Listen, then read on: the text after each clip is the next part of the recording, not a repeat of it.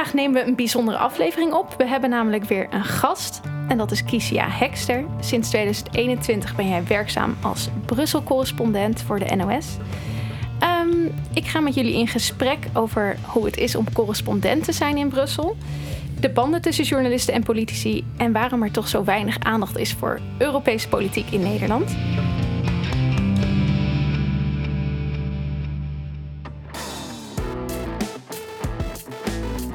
Welkom bij Bellen met Bas, de podcast over Europese politiek waarin we bijpraten met GroenLinks-Europarlementariër Bas Eickhout. Mijn naam is Mijke Vedder.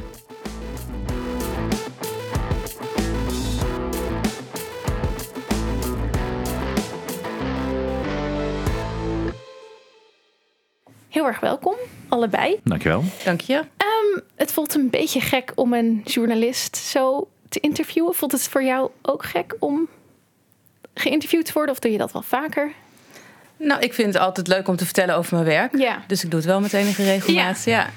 ja gelukkig. En voor jou, Bas, voelt dat, voelt dat nou, je zit altijd soms met dat dilemma, weet je. Want je mag als politiek geen kritiek hebben op de, hè, de, de mediavrijheid is een groot goed. Maar uh, ja, soms, soms wil oh je dan, ja. Gaan we zo beginnen? ja, Nee, ga je gang hoor. Nee, oh, nee maar volgens mij uh, kan het juist prima. En we maken het gewoon uh, bellen met Kiesja is het nu toch meer? Dan, bellen met Kiesja en bellen met Bas. Nou, ik zit zelfs tegenover jullie. Dat is misschien wel leuk om even erbij te zeggen dat het nu niet bellen is, maar we echt in het Europees Parlement zitten. Ja, Kiesja, jij hebt nogal veel verschillende dingen gedaan. Ik heb het even opgezocht. Je hebt in Rusland gezeten. Je hebt op de binnenlandredactie gewerkt. En uh, alles over het Koninklijk Huis verslagen. En nu dus hier. hier. Hoe was die, die overstap? Dat lijkt me nogal verschillend. Ja, ik heb zelfs ook nog een tijdje in het management gezeten van de buitenlandredactie. Oh. In, uh, ja, toen de radio en de televisie bij de NOS samengevoegd werden.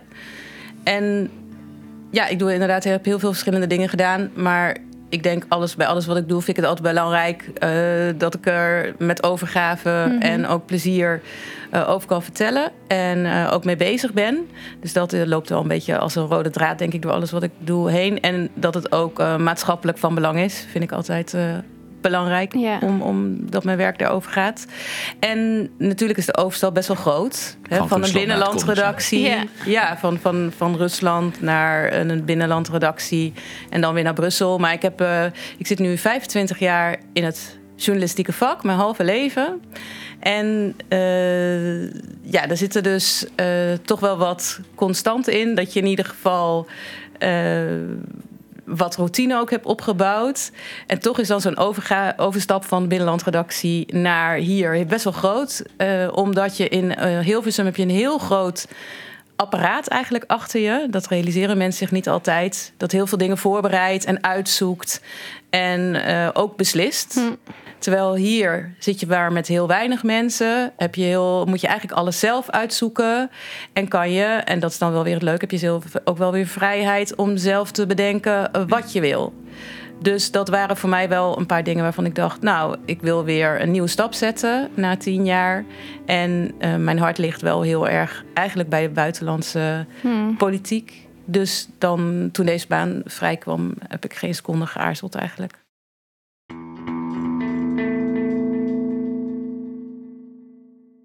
Hoeveel vrijheid had je om nu heel veel in Oekraïne te zijn? Want de laatste tijd ben je weer heel veel daar natuurlijk geweest. Ja, dat is logisch, hè? Dat, er gebeurt nogal wel wat. Maar was dat ook juist een verzoek van NOS of, of was het ook eigen initiatief? Ja, eigenlijk allebei. Kijk, de, het is niet zo dat omdat ik hier zit vanuit Brussel naar Oekraïne ga. Maar dat komt natuurlijk omdat ik toen ik in Rusland correspondent was... ook veel in Oekraïne heb gereisd en gewerkt. En daardoor is mijn eigen betrokkenheid natuurlijk heel groot met die regio sowieso. Maar er zijn ook niet zo heel veel mensen binnen de NOS die Russisch spreken. Laat mhm. staan Oekraïens, waar ik ja. zelf een paar woordjes nu van ken. En, en de regio kennen. Dus het was een combinatie. Ik wilde het zelf heel graag. En zij wilden het ook graag. En nu uh, ga ik over twee weken weer die kant op. En ik vind, moet ik zeggen, ook een mooie combinatie, juist met wat hier gebeurt. Omdat veel van wat hier nu gebeurt gaat natuurlijk over Oekraïne. Ja. En ook over uh, Moldavië en, en andere regio's in de, in de buurt. En dan is het ook goed om met eigen ogen te kunnen zien en te kunnen voelen. Ja, wat, hoe dat elkaar beïnvloedt. En uh, dat is heel groot en dat is heel bijzonder om te kunnen doen. Ja. Hoe, uh, hoe was dat in Oekraïne? Ik ben toch wel gewoon benieuwd naar wat je indrukken daar. Ik bedoel, je vertelt wel wat op televisie, maar ja, je zal niet alles kunnen vertellen wat je meemaakt daar. Nee, uh, nou ja, ik ga dus nu over twee weken weer. En dan ben ik ook heel benieuwd om de ontwikkeling te zien eigenlijk. Want ik ben de laatste keer in augustus geweest. En daarvoor ben ik uh, eigenlijk aan het begin van de oorlog geweest. En ook twee keer vlak voor de oorlog. En elke keer is het wel weer een nieuwe fase. En uh, wat bijzonder is, ik ga nu binnenkort voor. Ga ik weer naar een gezin toe, een familie. van wie de echtgenoot en vader vermoord is teruggevonden. Die heb ik in april ontmoet. Daar ben ik in augustus naartoe geweest. En daar ga ik nu ook weer heen voor een verhaal aan het einde van het jaar. Voor de NOS. En dan kun je ook via één familie die oorlog voelen. En ze hebben natuurlijk via hun verdriet zie je ook de ontwikkeling daarin, maar ook in hun omstandigheden. Zij zitten nu ook in de kou, letterlijk, omdat er geen energie meer is. Ja. Uh, dus, dat, ja, dus door zo'n persoonlijk dat te volgen, voel je dat zelf dan ook heel erg mee. En dan bouw je ook een beetje, heb je een beetje een idee van waar zijn zij mee bezig. Dat geldt ook voor de mensen met wie wij werken. Dus dan voel je die ontwikkeling. Um, en verder is het ja, toch elke keer ook weer voor mij weer even met je neus op de feiten gedrukt worden. Hè? Dat, als je kijkt van wat is er nou de toegevoegde waarde van een correspondent of van iemand ter plekke, dan is dat volgens mij, voel ik dat elke keer als ik daar ben. Maar ook bijvoorbeeld als ik weer, dan ben ik nu al een hele tijd niet meer geweest in Rusland, maar als ik in Rusland kwam, voelde ik altijd weer heel snel van: oh ja, weet je, wij kijken hier vandaan mhm. zo vanuit ons eigen perspectief naar wat er daar gebeurt. En dat is eigenlijk, kun je hier niet voelen hoe het daar is. Mhm. En als je daar bent, dan voel je dat wel. En dan voel je dat vanuit Oekraïne, voel je dat ook. En dat is eigenlijk je belangrijkste taak als correspondent, om dat over te proberen te brengen. En ik kan me nog heel goed herinneren dat toen ik van Rusland naar Nederland ging, dat ik dacht: oh, ik ga dat gevoel ga ik vasthouden. He, van ik ga elke dag ga ik weer uh, dezelfde mensen proberen te bellen die ik daar sprak. Of dezelfde media proberen te volgen die ik daar las. En je merkt gewoon na een tijdje, dat is ja. Is niet te doen. Is niet te doen. Je nee, moet echt daarom, daar zijn om die ja, daarom is het belangrijk vertellen. om daar wel met enige regelmaat naartoe te gaan. En ook om mensen ter plekke te hebben. Want dat is echt ja. van belang. En maar het lijkt me ook direct dat dat een best wel groot contrast is met het correspondentschap in Brussel, waar je natuurlijk veel meer op de instituties en het beleidsmatige zit in plaats van die hele persoonlijke realiteit. Mis je dat hier dan ook? Nou ja, ik denk dat ik dan um, ja, nu in de gelukkige omstandigheid, en het klinkt natuurlijk heel wrang om dat te zeggen eh, over eh, zo'n situatie of een verschrikkelijke oorlog, mm. maar dat het voor mijzelf wel een hele mooie combinatie is om ook hier mijn werk uh, goed te kunnen doen. Juist vanwege die persoonlijke betrokkenheid, misschien omdat hier heel veel gaat over daar. Ja. Dus dat je die combinatie eigenlijk. Ja, voor mij werkt dat wel goed. Ja. maar ik vind wat hier gebeurt, uh, ook al zijn het saaie instituties, is natuurlijk ontzettend van belang. hier worden beslissingen genomen. Hier worden uh, hele grote uh, wapens, geld. We hebben het, ja, dat zijn ongelofelijke dingen die hier gebeurd zijn de afgelopen half jaar of acht maanden. Ja. Die van zulke grote invloed zijn op wat er daar in de dagelijkse uh, dagelijks leven gebeurt. Dus dat hangt heel goed samen. Ja, want dat is eigenlijk precies waar ik het ook met jullie over wilde hebben. Want uh, volgens mij is dat een uitdaging die zowel politici als journalisten heel erg hebben. Om die vertaalslag vanuit die, uh, nou ja, ambtelijke realiteit te maken naar menselijke verhalen. Zodat mensen snappen waarom het zo belangrijk is en echt impact heeft. je zegt nou, door naar Oekraïne te gaan en daar te laten zien hoe, ja, hoe families daar leven en wat op hun de gevolgen zijn, doe ik dat. Maar probeer je dat ook echt in Brussel te doen? En ja, wat, wat werkt daar dan in? Nou, misschien is het in Brussel zelf is het moeilijk. Maar wat hier, er gebeurt hier heel veel, wat van grote invloed is op lidstaten binnen de Europese Unie. Dus natuurlijk is dit een van onze belangrijkste opdrachten, zo beschouw ik het dan zelf. Mhm. Om dat inzichtelijk te laten, uh, inzichtelijk te maken voor een Nederlands publiek. Dus de laatste reis bijvoorbeeld die, uh, die ik heb gemaakt buiten Oekraïne naar Letland was ik. Over, dat ging over de discussie die binnen tussen EU-lidstaten gevoerd wordt over wat moeten we met Russische vluchtelingen die naar Europa komen. dus uh, de landen in de, de Baltische landen, die willen de mensen niet toelaten, even heel uh, grof gezegd. En Nederland bijvoorbeeld, maar ook Duitsland staan daar toch echt principieel anders in. Ja. Nou, dat is een heel interessante discussie. Dus ben ik daar naartoe geweest. Nou, uh, nou, om maar niet te hebben over discussies over uh, Polen, de rechtsstaat, uh, Hongarije willen we natuurlijk binnenkort ook weer, weer, weer heen. Dat zijn wel hele interessante dingen die je kan terugbrengen tot menselijke proporties die hier besloten worden. Ja.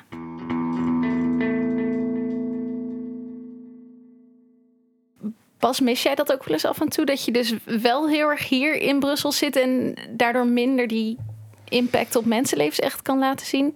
Of denk je dat dat niet per nou, se nodig is?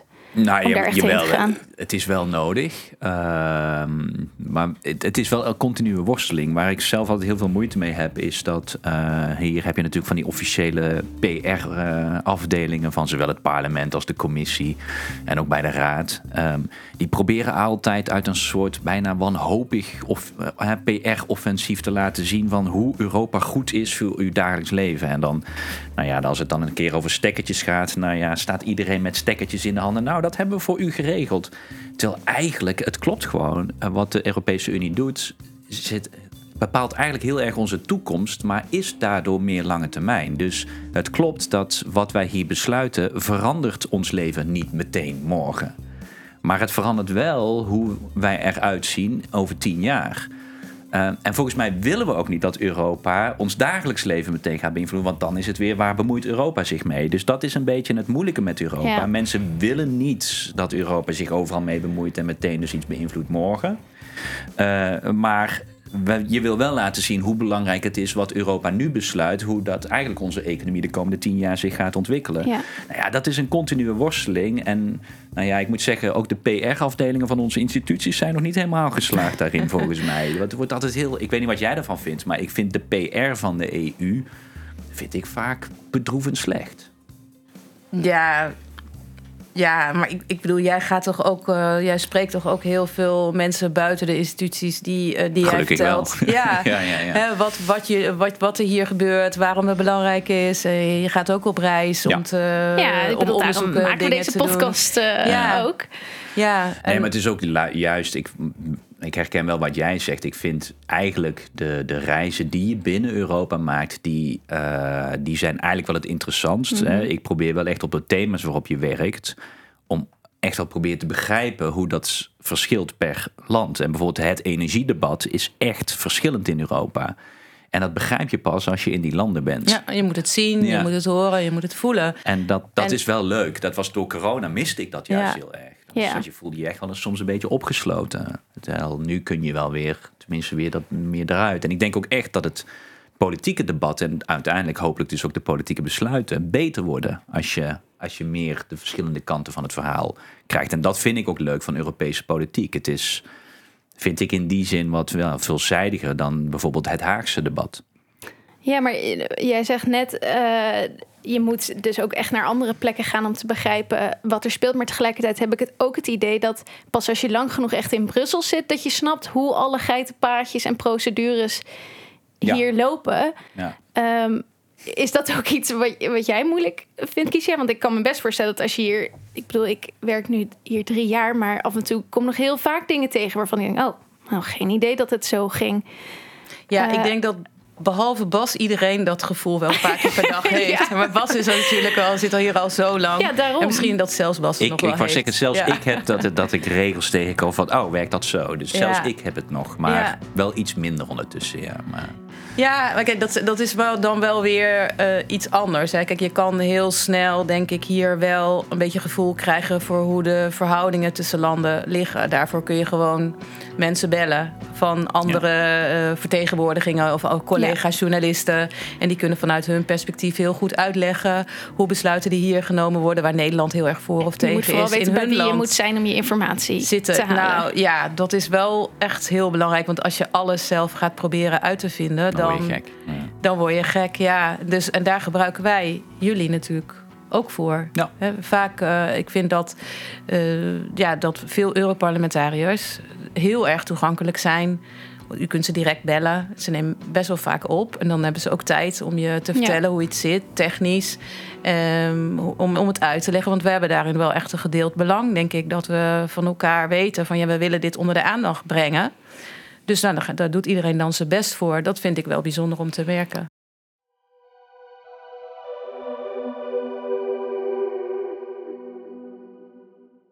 Is dat soms ook dus niet gek dat jij dan van politici eigenlijk afhankelijk bent om te begrijpen hoe het proces eruit ziet? Of zie je dat gewoon als een positieve samenwerking?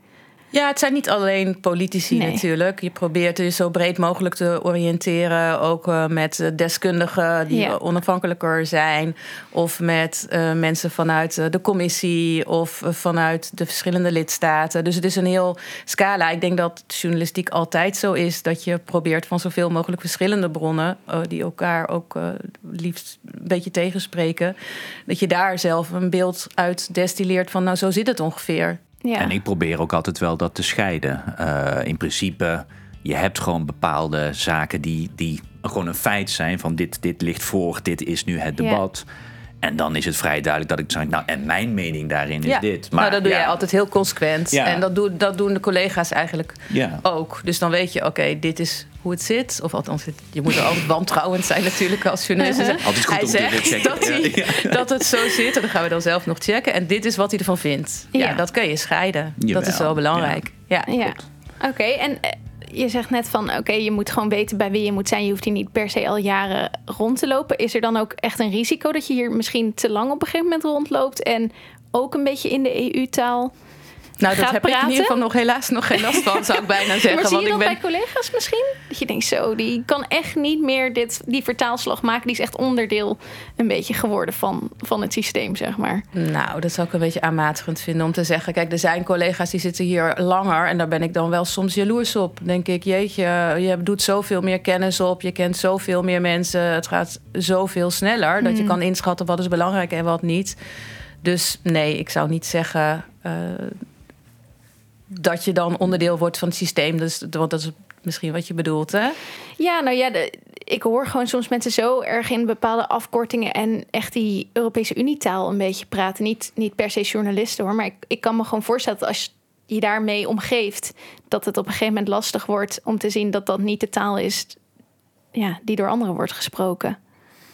Maar misschien ben je juist als journalist constant bezig. Ik weet niet, dan, dan dus wordt er op vanuit de redactie wel gezegd van waar heb jij het nou weer over? Begrijpen er niks van. Ja. Ik denk wel wat je, wat je wel eens ziet is het spanningsveld is, kijk, ehm, er, is, er, is, er wordt natuurlijk op een bepaalde manier vanuit Nederland naar Europa gekeken, naar Brussel. Hè? En ehm, wat je natuurlijk wel leert hier als correspondent of als politicus, mhm. is een beetje begrijpen waarom iets gebeurt zoals het gebeurt.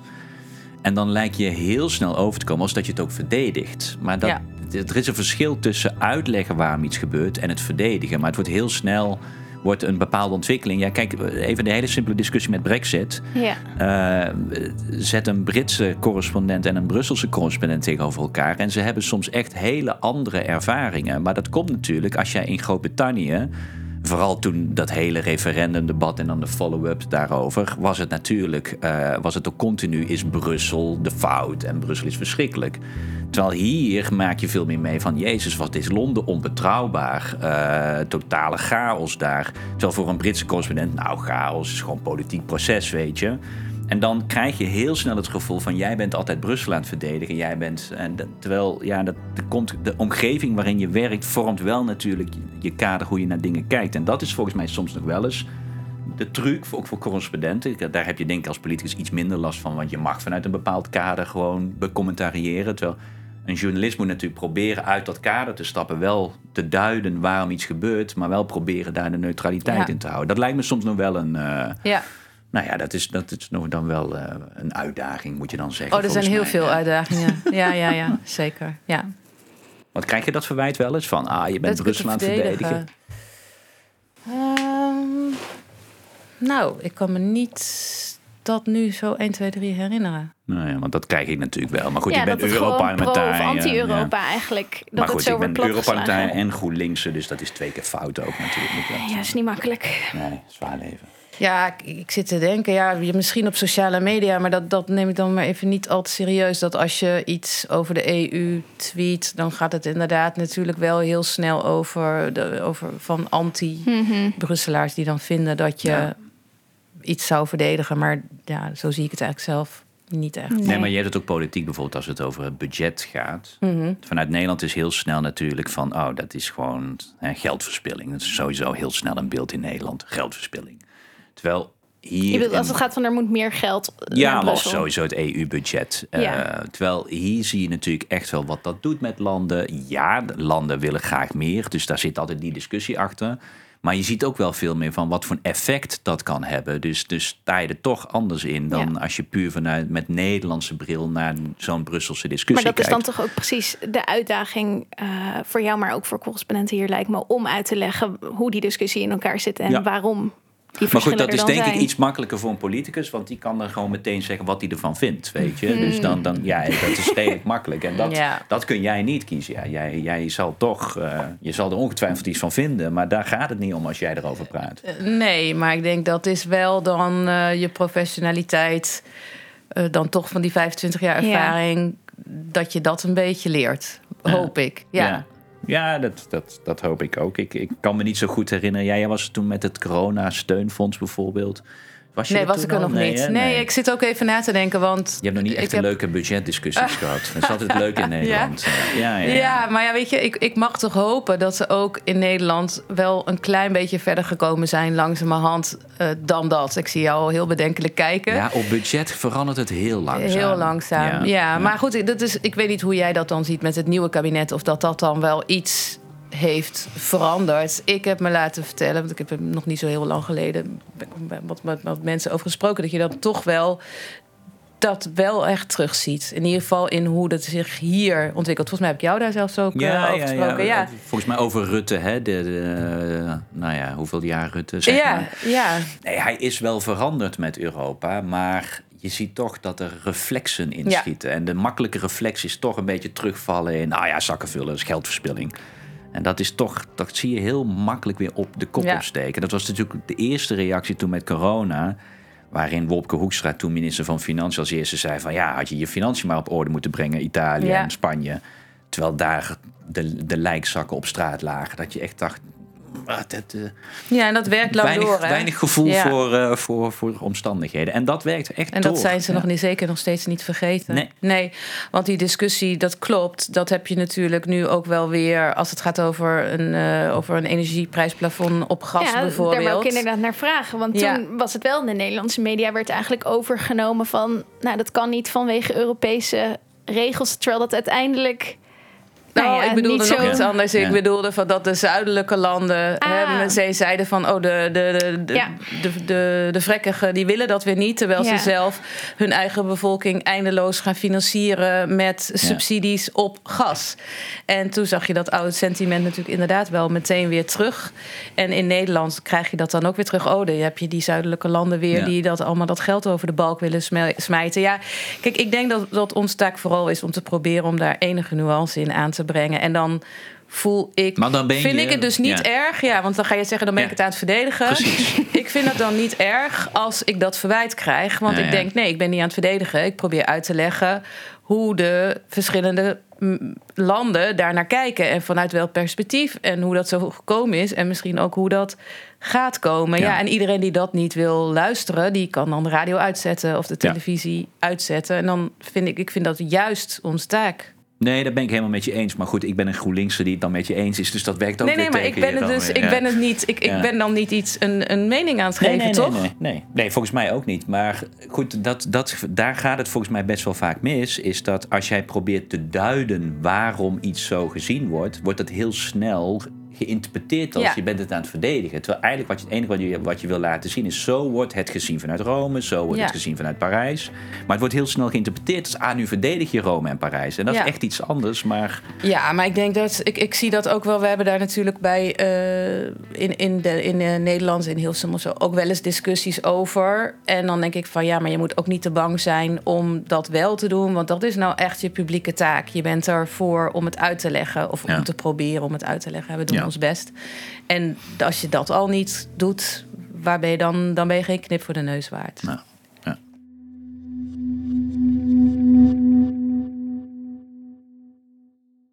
Maar jij wilde eigenlijk over het ja. iets, over iets heel anders hebben. Nou, dit is ook heel interessant.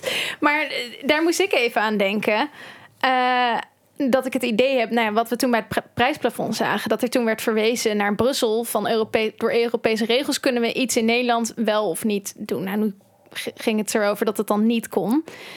Uh, en dat dat eigenlijk vaak heel makkelijk wordt overgenomen, heb ik toch het idee. Omdat mensen gewoon niet zo goed weten wat er eigenlijk in Brussel speelt. En dat het dan dus, nou, als hij het zegt, dan zal het wel zo zijn. Zie je daar ook een taak voor, juist als correspondenten, om nou ja, bij andere redacties misschien iets meer dan bij te brengen over hoe het hier zit en wat daar wel en niet aan klopt? Ja, in principe, als een politicus zegt dat, dat, dat, dat het iets niet mag van Brussel, moet natuurlijk onze reflex zijn. Nou, dat moeten we eerst maar eens dan checken of dat zo is. In dit geval gaat de eer, geloof ik, naar BNR. Die, die hebben volgens mij toen Timmermans uh, gebeld, of die belde waarschijnlijk zelf, want die wilde het vermoedelijk graag vertellen. Ik denk het ook, weet ik niet hoor hoe dat is gegaan. Maar uh, die zei toen van wat een onzin. En ik weet ook niet, het heeft ook niet heel lang geduurd. Hè. Volgens mij heeft, uh, heeft Rutte wel vrij snel toegegeven dat hij zelf inderdaad. Ik, moet zeggen, ik, ik vind dit juist een voorbeeld dat het steeds moeilijker wordt voor politici. Om ermee weg te komen. Ja, nu, nu kan ik de oude lul spelen. uh, ja, jij, je ik loop hier al een paar jaar. Ja. Dat was echt tien jaar geleden. Opa vertelt. Nee, maar dat was echt makkelijker. De, de, de, ook, ik heb wel ook echt het gevoel dat uh, journalisten nu ook meer de, zeg maar de dus naar een Europese raad, wat vroeger heel erg gebeurde. De Nederlandse journalisten gingen naar de Nederlandse persconferentie en dan werd daar het verhaal verteld. En dan had je soms echt parallele werkelijkheden die uit dezelfde raad kwam. Ja. Nu merk je dat men toch veel meer, oké, ja maar wacht even, Macron zei dit, Scholz zei dit, uh, Van der Leyen zei dit en Rutte zegt dit. En dat wordt meer met elkaar tegen elkaar afgezet. En dan krijg je een veel betere verslaglegging. En dat is Europese politiek. En het is veel moeilijker geworden voor Rutte om zijn spin te geven. Dat was ook weer, volgens mij was het ook met het, ik weet niet wanneer dat nou precies was. Dat was, nee, dat was niet met corona, maar daarvoor. Toen had Rutte op een gegeven moment gezegd, ja, het was wat, was wat onduidelijkheden over de, het geld. Uh, en dan was, was hij onduidelijk geweest. Ik weet niet meer precies, het ging over het EU-budget. En er was een mhm. besluit genomen. Hij zei, het was nog niet helemaal een duidelijk besluit. Maar goed, Merkel was heel duidelijk. Mm. Hè, dus alle andere regeringsleiders waren heel duidelijk. Eigenlijk was het alleen onduidelijk in Nederland. Nou ja, dat, die, die kwam redelijk hard als een boemerang terug bij Rutte. Van hallo, volgens mij zit het probleem bij jou. Dat jij ja hebt gezegd en daar eigenlijk een beetje spijt van hebt. Dus dat, hoe, komt dat dan? Denk je dat er nu toch gewoon meer aandacht is voor Brussel? Of eh, ja, waar... Ik, nou, ik denk dat, dat, uh, dat er wel heel langzaam en zeker meer een Europese sfeer aan het ontstaan is nog heel voorzichtig. Het is nog heel erg nationaal georiënteerd. Maar de correspondenten volgens mij in Brussel proberen ook meer de, de, de EU-discussie vorm te geven. En dat was volgens mij echt vroeger, uh, was dat minder. Uh, oh ja, dus nou ja, ik heb van, van onze voorgangers dat toch wel echt meegekregen. Juist als of tip, ja, het is een beetje een groot woord. Uh, ja. ja, dat is ook wel eigenlijk basis regel nummer één, zou ik zeggen. Van ga dat kijken. Hè? En, en dat doen wij ook wel allemaal. Nou ja, blijkbaar uh, nou ja, beter dan tien jaar geleden. Ja, nee, dat is natuurlijk ja. hoopgevend voor ons om te horen. En, en ik moet nu denken aan een, uh, misschien een grappig grappig, misschien een groot woord, maar goed, voorbeeld van de afgelopen raad. Toen, er, uh, toen wij dus hadden geconcludeerd als NOS, uh, nou, dit is geen doorbraak. Oh ja, ja. En de Belgen hadden een, ja een voorpagina. De, onze collega's van de VRT wel een doorbraak. Maar ook inderdaad binnen Nederland. Ik geloof dat het AD ook had gezegd dat het een, een doorslaand succes was. En dat, dat zorgt natuurlijk altijd voor heel veel nervositeit op redacties. Hè? Van, oh, zij zeggen iets anders, maar dan zitten wij er misschien naast. Eind, ja. ja, en dan kun je... Nou, dan worden we natuurlijk zelf ook altijd een beetje nerveus. Maar ja, je weet eigenlijk wel van... oké, we hebben hier goed over nagedacht. Mm het, uh, dit zijn onze argumenten. En dan zeggen ze, oh ja, nou oké. En daarna dacht ik, ja, maar misschien is het ook wel een bewijs van dat het dan een goed, eh, goede discussie is geweest of een goed compromis. Want dan heeft iedereen weer voor zichzelf iets eruit kunnen halen wat hij thuis goed kan uitleggen. Hè? Want Rutte wilde eigenlijk niet natuurlijk dat er een hele grote doorbraak zou komen. Alexander de Croo, de Belgen, die wilde dat eigenlijk wel. Dus iedereen legde het toch weer op zijn eigen manier uit. En daarna dacht ik, oh, wacht even, ben ik dan alsnog in het frame van Nederland getrapt dat het eigenlijk misschien toch wel iets meer was dan wij uh, hadden gedacht. Maar ik denk, weet je, het is ook altijd goed, ook al doe je iets 25 jaar, om zelf uh, te twijfelen aan of je het wel goed ziet. En daar gewoon veel over te hebben met collega's. Ja, en misschien gaat het af en toe mis. Dat, dat gebeurt ook. Maar in dit geval kan ik nu na, Staat wat is nog het? steeds achter? na zes weken zeggen... ja, ik denk dat we dat goed hebben Ja. gezien. Goed, ja. mij ook. Want ja. overleg je ook eigenlijk veel met andere journalisten en redacties tijdens zo'n raad dan? Of, of hoe gaat dat? Of heb je echt Ja. allemaal je eigen team? Nee, wij zitten, eh, ja, wij zitten aan een hele lange tafel met, eh, met Nederlanders. Maar we lopen ook wel rond. We hebben natuurlijk ook journalisten die we kennen uit andere landen. Die we, eh, die we vragen van, hey, hoe zit het bij jullie? Of zij komen dat bij ons vragen, hoe zit dat bij jullie?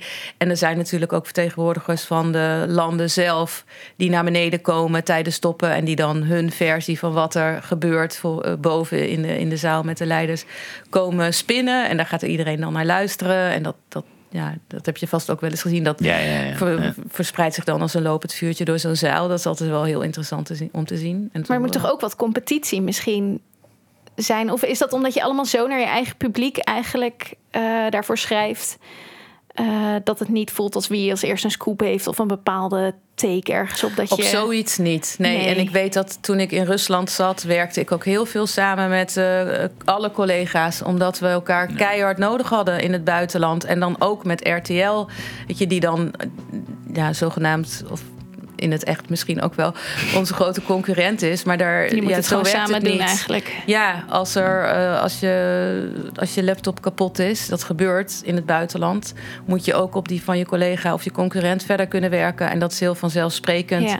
En in Nederland is dat anders. Dat heb ik ook wel gemerkt. Daar heb je veel meer die, die competitie.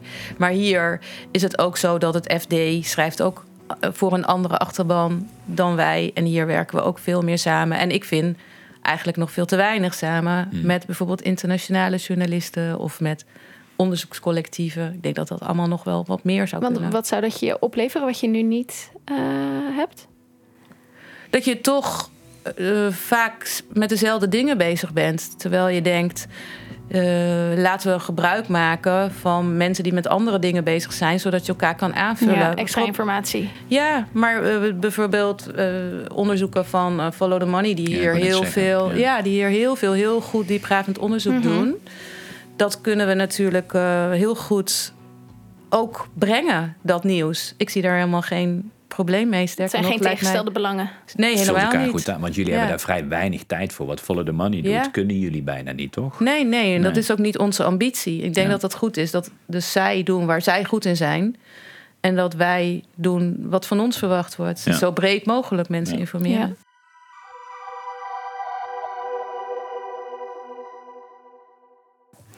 Waar ik je ook naar wil vragen is ehm, hoe de verhoudingen zijn tussen de politici en journalisten. Want je zei eerder, nou, we gebruiken politici. Nou, gebruiken klinkt misschien verkeerd, maar we zijn ook echt wel Wij afhankelijk. worden ook gebruikt hè, door politici. Nou ja, maar inderdaad, je allemaal. hebt het gezamenlijk belang om verhalen te vertellen die anders in Nederland niet gehoord worden en uit te leggen hoe alles hier verloopt. Maar tegelijkertijd gaan politici vaak met een ander idee, denk ik, ook een interview in dan jullie. Je wilt toch ook je, nou ja, je eigen mening, standpunten eh, verkopen, terwijl jullie graag een breder verhaal misschien willen vertellen. Hoe, hoe maak je die afwegingen? Voel je dat er een spanning zit of is dat eigenlijk helemaal niet zo? Dat is denk ik een gezonde spanning. Die hoort bij het werk. Ja, Ba- Bas heeft zijn vak eh, en ik het mijne. En ja, dat zie ik niet als een tegenstelling. Nee. Maar ben je bewust bezig met van ik moet wel met alle partijen eh, praten, niet te veel aandacht aan de ene politicus geven, want dan vindt die het weer niet leuk. Eh, oh ja, ik kom net uit de podcast van de VVD. Dat snap je. Jeetje! Ja, nee, tuurlijk. Hè. Het is altijd zo dat je, eh, ja, dat je met iedereen praat. Ja. En dat je hebt natuurlijk altijd je voorkeuren, maar Ja. je kan je werk niet goed doen als je maar met een, een deel van de, van de politiek praat. Nee. Of van de, van de samenleving. Dat, dat is ook echt niet de, niet de bedoeling, want dan ga je alleen maar je eigen beeld versterken of je eigen bubbel versterken. Terwijl onze taak is om het zo in de breedte te laten zien. Ja. En dat is ook het meest, het is ook het interessantst. Anders word je maar steeds bevestigd op één punt, terwijl je juist het, het politieke verschillen Alles willen wil laten, laten zien wil wat er- zien. ja. Dat is ook, neem ik aan, waarom jij dat vak in bent gegaan. Toch ook Mhm. om- omdat Nou ja, jij wil die mensen dan echt overtuigen. Ja, ergens wel, ja. Ja. Ik vind het soms wel jammer dat jullie dan ook andere bronnen denken. Ja, dat is toch jammer. Nee, dat is wel inderdaad. Van, je geeft regelmatig persbriefings, praat met journalisten. En dan gebeurt het ook wel eens dat er een heel verhaal daarover wordt geschreven met informatie die jij ook hebt gedeeld. En dan wordt Ja. jouw naam daarin niet genoemd. Dat kan ook frustrerend zijn. Ja, weet je, ik zeg ook altijd maar van als je, als je echt een grote naamsbekendheid wil krijgen, moet je misschien niet Europarlementariër worden. Dus dat, dat, ik denk ook wel weer dat je, dat je ander soort politici hebt in Brussel dan in Den Haag, om heel eerlijk te zijn. Ehm, ik, ik, ben, ik kan echt al blij zijn als ik een verhaal teruglees en denk van, nou, dat is wel een beetje hoe ik het zie in ieder geval. Dat je herkent van, hé, hey, dit, dit, dit is Het is aangekomen wat ik eh, Ja, heb en, verteld. en dat, dat, eh, dat, daar kan ik al wel plezier uit halen. En dan hoeft mijn naam daar echt niet bij. Ik bedoel, ik vind het juist... Liever wel natuurlijk. Ja, dat is ook een Ja, beetje... Nou, nou, kijk, nee, maar, nou, nee, dat is niet, niet valse bescheidenheid, want dat is wat je. eh, Wat je ehm, tuurlijk hoop ik wel eens dat, het er, dat je naam wel gequote wordt, maar oprecht hoeft dat niet altijd als het, als het een achtergrondstuk is of iets dergelijks. Dus wat ik wel vervelend vind als. Soms heb je interviews gegeven en dan wordt eigenlijk je hele frame wel meegenomen zonder dat je genoemd wordt. Dan denk je wel van, nou, dat is een beetje raar. Want dan wordt het soms gedaan alsof het een soort eigen uitvinding is. Dan, Ja, als het jouw bedoel, standpunt is, Ja, dat ja. Is, is- ik bedoel, er zit geen copyright op wat ik zeg, maar dat ja, vind ik dan Hmm. niet altijd. Maar soms is het ook heel duidelijk. En de meeste journalisten zijn er ook heel helder in. Van ja, dit is ter achtergrond. Het is een achtergrondgesprek. Ja, vind ik prima. Ik heb ook best wel vaak dat ik gebeld word voor, eh, zeg maar, dat, dat eh, hè, bij, een, eh, bij een praatprogramma, dat men dan een gast heeft. En dan willen ze even weten, wat, wat, wat moeten we vragen? Wat zijn vragen die interessant zijn om te stellen? Ja. Ja, dat vind ik, vind ik alleen maar prettig. Dat je, Ja. dan, dat je dan wat kan insteken, zodat een andere politicus niet makkelijk wegkomt. Ja. is ook Dat is ook, dat neem ik aan, eh, gewoon onderdeel van je Ja, werk. ja, ja. Dat is ook politiek, toch? Dat er goede vragen gesteld Ja. werden. Nou, als, ik, dan, als dan die vraag gesteld wordt, zit ik wel te juichen. ja, dan ben je daar ook gewoon blij En, mee. en dan hoeft er echt niet gezegd, en deze vraag is gesteld namens Bas Eiken. Nee, dat hoeft dan echt niet. Ja.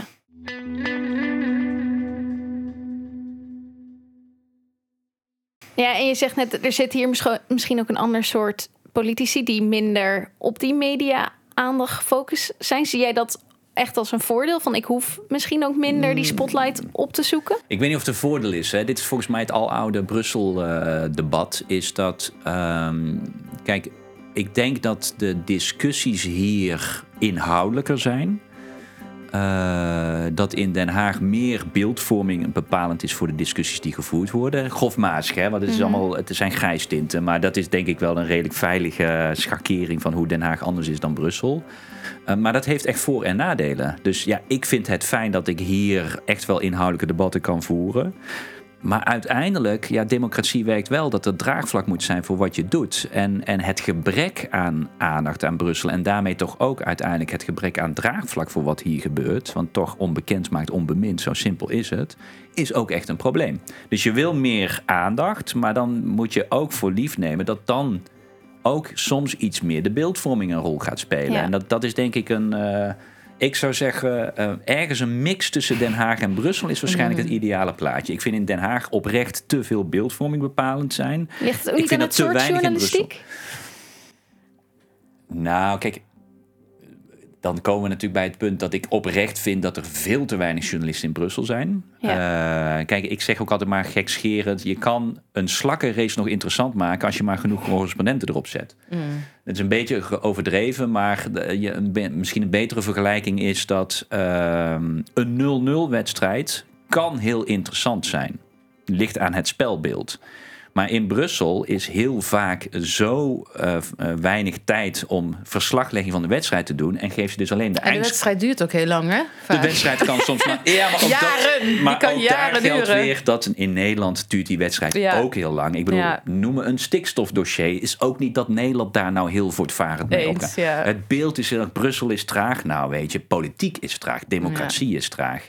Alleen in Brussel heb, gebeurt er zoveel en inderdaad minder journalisten. Dus jij moet heel vaak gewoon maar zeggen: de eindstand is 0-0 dan denken mensen dat is saai. niks gebeurt. Niks gebeurt. Terwijl in Den Haag wordt een 0-0 wedstrijd. Daar wordt een tranentrekkend gebeuren van gemaakt. Met talkshows s'avonds. Ja, hier met leuke quotes. Ja, ja. weet je, dat, er zit ook echt. Er is veel meer te maken van de spanningen die hier spelen. Bijvoorbeeld heel simpel. Vorige week hebben we een deal op CO2 in auto's. Hè, het einde van de verbrandingsmotor uh, in 2035. Dat is gigantisch. Dat gaat de gehele Europese auto-industrie veranderen. En dat is een itempje. Als nou, was het bijna de opening van het echt wel bijna blij met hoeveel nou, aandacht als dit was. in maar misschien... Nederland was besloten, dan was er ook de discussies die erachter speelden. Ik bedoel, dit was een gevecht. Hè? Dit was niet zomaar een makkelijke met de Duitsers en de Fransen, de belangen overal. Daar had je daar had je wekenlang, als het in Nederland was gebeurd. Maar het is niet over een periode, dat is een beetje het punt natuurlijk. Daarom zeg ik van het duurt lang. Deze, dit heeft een, is over een periode van anderhalf jaar dan, hè, ongeveer. Ja, ja, ja, inderdaad, het klopt. We zitten hier met weinig mensen. Inderdaad, met te weinig mensen, vind ik zelf. Uh, dus ja, je moet, je moet daar heel erg in kiezen. En, en ik het is dus ook geen kritiek. Hè? Nee, je dus, mag echt kritiek leveren. Nou ik ben niet een van de journalisten die zegt je mag geen kritiek leveren Nee, maar het is dus wel kritiek op het geheel, maar niet op persoon. Omdat ik namelijk zie bij correspondenten, die moeten zoveel velden bestrijken. Dat is ook niet te doen. Nee, maar ik, ik vind het een goed voorbeeld. Dat je denkt van uh, op welke manier hadden we dan inderdaad met uh, zo'n Duits-Franse tegenstelling bijvoorbeeld zo'n debat interessanter kunnen maken? Had dat in Nederland indruk gemaakt in een journaal. Ja, ik denk dat vanuit Duitsland is sowieso veel meer aandacht voor Europese politiek. Vanuit Frankrijk natuurlijk ook hier in België. In de, op het VRT-journaal zie je ook veel meer aandacht voor de Europese politiek. Dus ik denk zeker dat daar in Nederland ook echt nog een slag in te maken is. Ik was inderdaad ook blij dat het wel, uh, ik geloof een paar minuten na de opening van het journaal was. Want de andere kant van het verhaal is dat in Nederland de ambities natuurlijk nog strenger zijn dan wat er in op Europees niveau is besloten. Dus eh, ze hadden ook kunnen zeggen van ja, maar wij gaan dit al in 2030 doen. Dus uh, hoe is voor ons helemaal geen nieuws dat dat in Europa besloten wordt. Ja. Dus ja, ik probeer, maar ook een beetje tegen beter weten in, geef ik eerlijk toe, dan toch ook maar een beetje optimistisch naar te kijken en te zien van oké, dit doen we wel. En ik weet niet hoe, hoe jij daar naar kijkt. Daar ben ik eigenlijk wel benieuwd naar. Van, je hoort vaak de klacht van er is te weinig aandacht voor Brussel uh, in Nederland. Mhm. Nou, ja, ik zeg steeds, ja, sinds ik hier ben gekomen, uh, we kunnen het werk bijna niet aan. We worden echt van ochtends vroeg tot avonds laat geweld. En nee, dat gaat niet altijd over wat heeft Bas Eickhout in het parlement gedaan of Malik Asmani. Hè. Maar er is zoveel waarvan toch, waarvoor toch belangstelling is in Nederland. Vandaag zijn we gebeld over de nieuwe begrotingsregels, over de nieuwe deal op, uh, op Fit for 55. We hebben het gehad over de Hongarije. We hebben het gehad over de kunststoffen. Die, en dan heb ik het over allemaal wat er vandaag alleen al is besproken. En dus jij hebt niet het idee van jij moet constant het verhaal verkopen. Er nee. komen ook echt mensen naar jou toe. Nou, veel te veel. Nee. en dat is niet alleen omdat jij hier in je eentje zit en nou, het daarom maakt het natuurlijk wel lastig. Kijk, ik kijk ook jaloers naar, mijn collega, naar de collega's in Den Haag...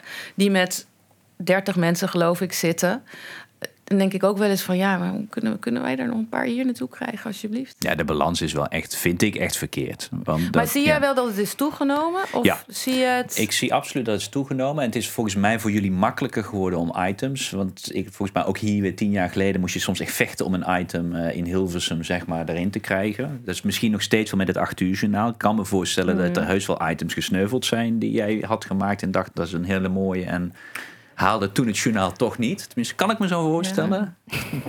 Nou, ja, maar.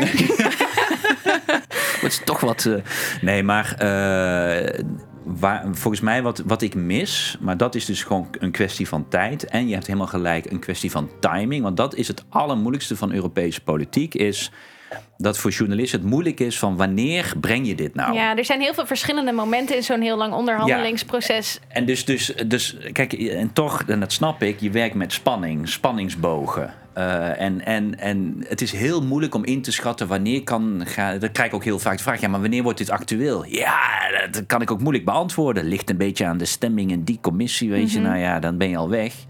Terwijl, uh, maar wat het, het jammere dan daardoor is, is dat uh, ja, genoeg items zijn er, maar ik vind dat er nog te weinig de politieke strijd wordt gezien. De politieke strijd wordt nog steeds te vaak op landenniveau getoond. Jullie ook. Hè? Het, bijna alles wordt toch platgeslagen tot een landenstrijd. In plaats van dus politieke strijd. zitten gewoon politieke belangen. Ja, ik, kan me herinneren dat toen ik, toen ik jou voor het eerst zag, inderdaad, je dat tegen mij zei van let daarop. Alles wat hier gebeurt is natuurlijk ook politiek. En natuurlijk hebben het gaat niet alleen om nationale belangen. Nee, want die nationale, nee. allemaal, die regeringen hebben allemaal een politieke kleur, wat we soms wel eens vergeten. Uh, maar ook bijvoorbeeld ja, die auto's. Uh, je wil niet weten wat de christendemocraten nee. hebben geprobeerd om dit te ondermijnen. Is totaal niet in het nieuws gekomen. Terwijl ik denk denk, nou, dan mag CDA wel eens op aangesproken worden. Die kunnen dan zeggen, ja, maar wij hebben goed gestemd. Dat klopt op dit maar dossier. Is dat dan een beetje omdat er maar ruimte is om één verhaal te vertellen en dat dat, dat dan de focus wordt? Of wat zijn de afwegingen die daarachter nou, zitten? ik zit even over na te denken. Kijk, wat, wat ik heel erg probeer, en dat is een voordeel omdat ik lang op de binnenlandredactie heb gewerkt, is dat ik die redactie heel goed ken. Dus wat ik uh, probeer is om heel veel van wat hier gebeurt, bijvoorbeeld bij onze klimaatspecialisten neer te leggen of bij onze economieredactie neer te leggen. Uh, ik heb nu een collega, Ardi Stemerding, die komt net van de Haagse redactie.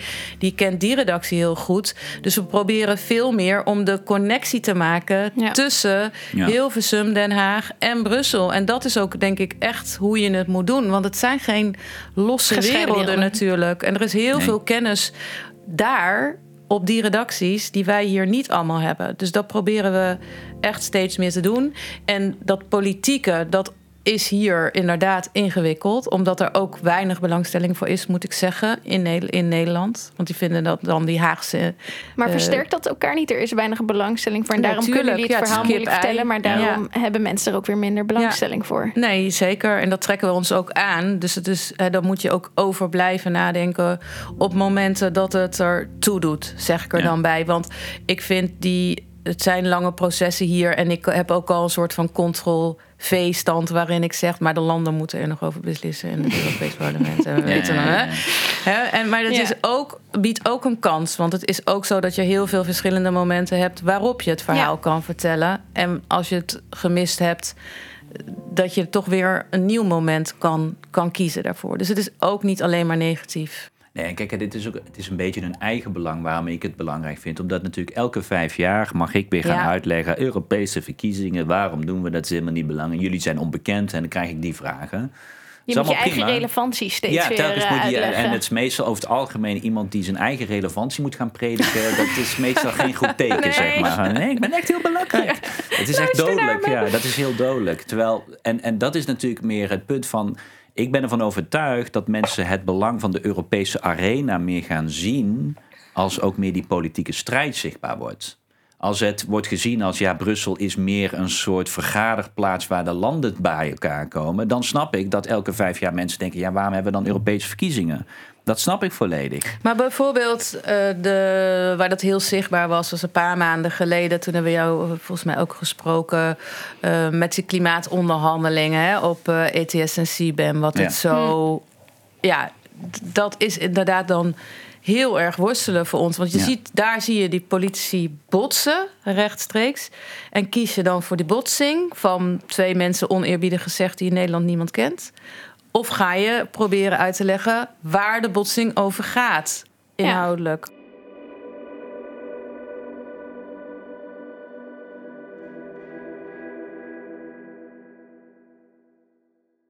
Ik merk dat wij dat ook eigenlijk heel vaak gewoon vanuit GroenLinks hebben. Van, we zijn heel veel bezig met uitleggen van waarom het belangrijk is en hoe het proces in elkaar zit.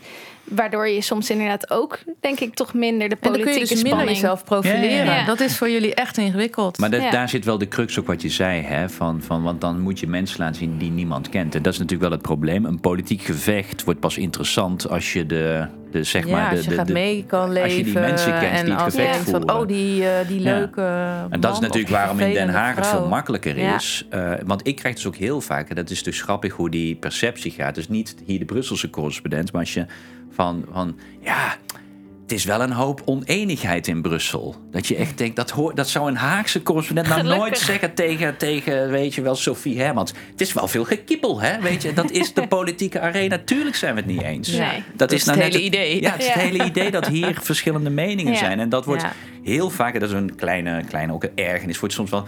Brussel is verdeeld, is dan de hoofd. Dat ik denk, wat nou? Dit is gewoon politiek. Ja.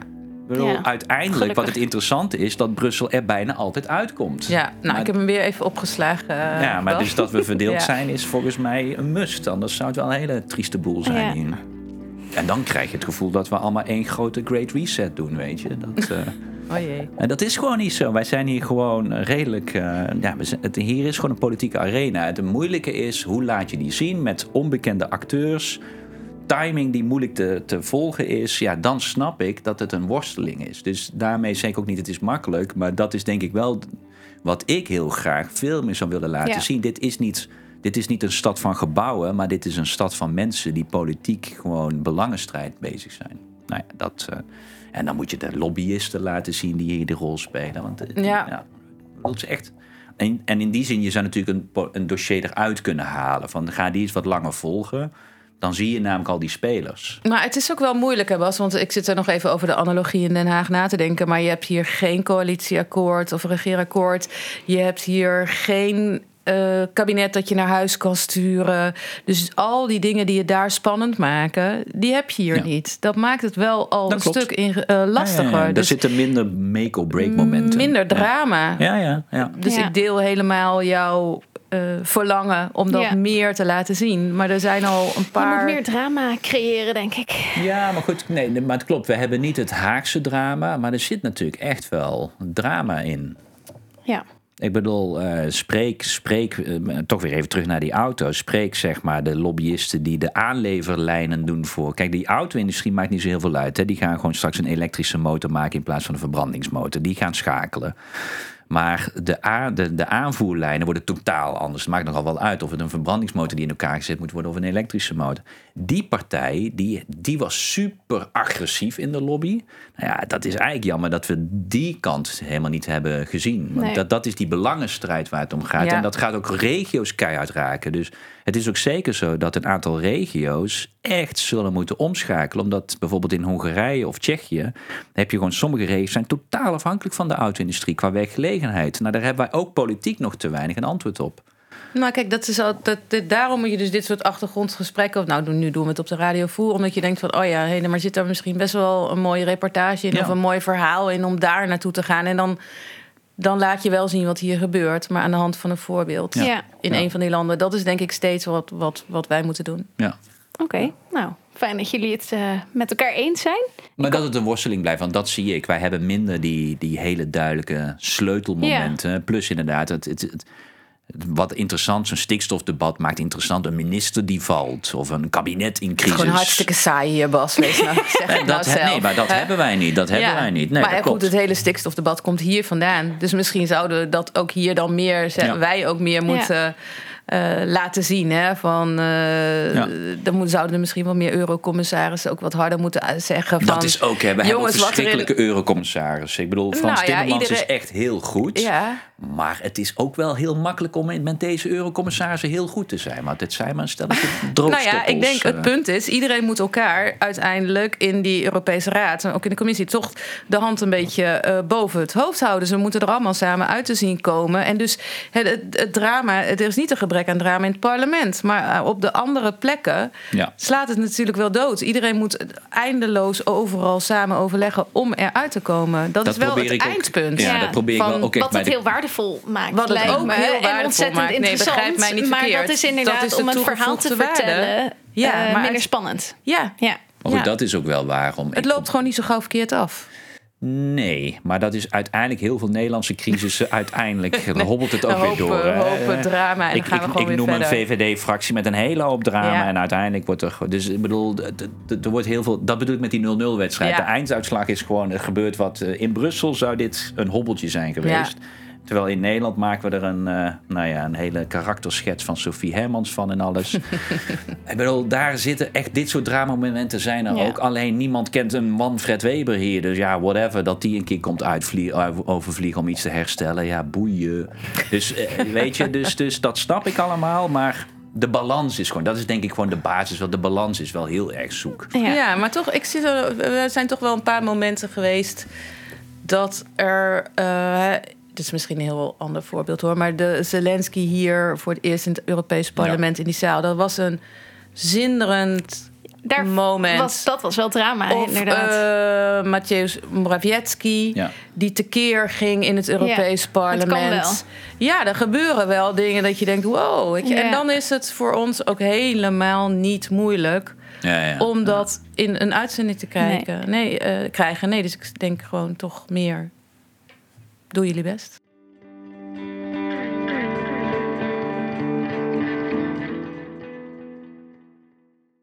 Ehm, ik had eigenlijk nog één afsluitende vraag. En dat was of jouw beeld, Kiesja, nou ook is veranderd van Brussel. Je zei, nou ja, je hebt eerder op de binnenlandredactie gewerkt. En je ziet nu juist dat er eigenlijk veel meer samenwerking ook moet zijn tussen wat jullie hier doen en die verschillende redacties in Nederland. Eh, jij zat ook eerst daar. Is, zie jij dus nu veel meer dat belang ervan in dan, dan je toen deed? Of Van wat hier gebeurt? Ja. Ja, eh, nou ja, kijk, ik vond het altijd interessant. Anders was ik hier natuurlijk niet naartoe gekomen. Nee. Maar volgens mij zei ik ook in het begin van... ik denk op elke plek waar je zit... zie je ook meer vanuit dat perspectief wat er gebeurt... en hoe belangrijk of onbelangrijk dat is. Dus natuurlijk is mijn beeld veranderd. Het zou heel raar zijn als dat na anderhalf jaar niet, niet zo was. En het ontwikkelt zich ook nog wel heel erg. Want ik vind het wel... eh, het is voor mij nog steeds ook echt elke dag dat ik denk: oh ja, dit. En oh, hier heb ik eigenlijk ook nog nooit zo op die manier naar gekeken. En oh, hoort dit ook nog Want is bij er mijn dan werk? niet uit te halen waarvan je denkt van dat is echt heel anders. Waarvan ik nu denk, ja, dat moet ik juist vertellen aan mijn collega's in Nederland. Of nou ja, naar een breder Nou ja, publiek ik kijk, toe. wat, wat voor mij eh, het beeld wat wel echt veranderd is, is ik heb zelf bijvoorbeeld nooit op een Haagse redactie gewerkt. Nee. Eh, ik heb altijd of in het buitenland of op de binnenlandredactie gewerkt. En het is hier, veel van wat hier gebeurt, is toch, heeft wel echt een heel direct raakvlak met ook de Haagse politiek, ook alle, met ook alle andere landen natuurlijk. Dus dat is een van de dingen die mijn beeld echt wel is veranderd. Jij zei dat ook eh, natuurlijk. eh, Nou ja, ja, ja, dat had ik ook misschien wel kunnen weten.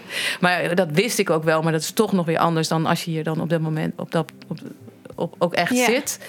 En ehm, ik denk wat belangrijk is, inderdaad, om te laten zien, is. Volgens mij zei jij dat ook van wat hier besloten wordt en besproken wordt, is misschien niet onmiddellijk vandaag of morgen van invloed op mensen in Nederland of in een van die andere 26 lidstaten. Maar het is wel van belang dat je het nu laat zien en dat mensen daarvan doordrongen raken. Dat dat misschien dus niet nu, maar over een tijdje wel zo is. En dat proberen we wel heel erg. En dat er ook heel veel debatten, eh, ja, dat er heel veel hier speelt waarvan mensen toch niet het idee hebben dat dat hier zo groot is. Dat ze, waarvan ze denken dat het iets Nederlands is. Ik denk dat die drie dingen het belangrijkste zijn. Mooi. Ik denk dat we daarmee afsluiten. Mooie afsluiting. Ja, heel erg bedankt allebei. Ik vond het Nou, eh, super interessant. Ja. We kunnen nog veel langer doorpraten, maar eh, dit is het voor vandaag. Dankjewel. Dankjewel.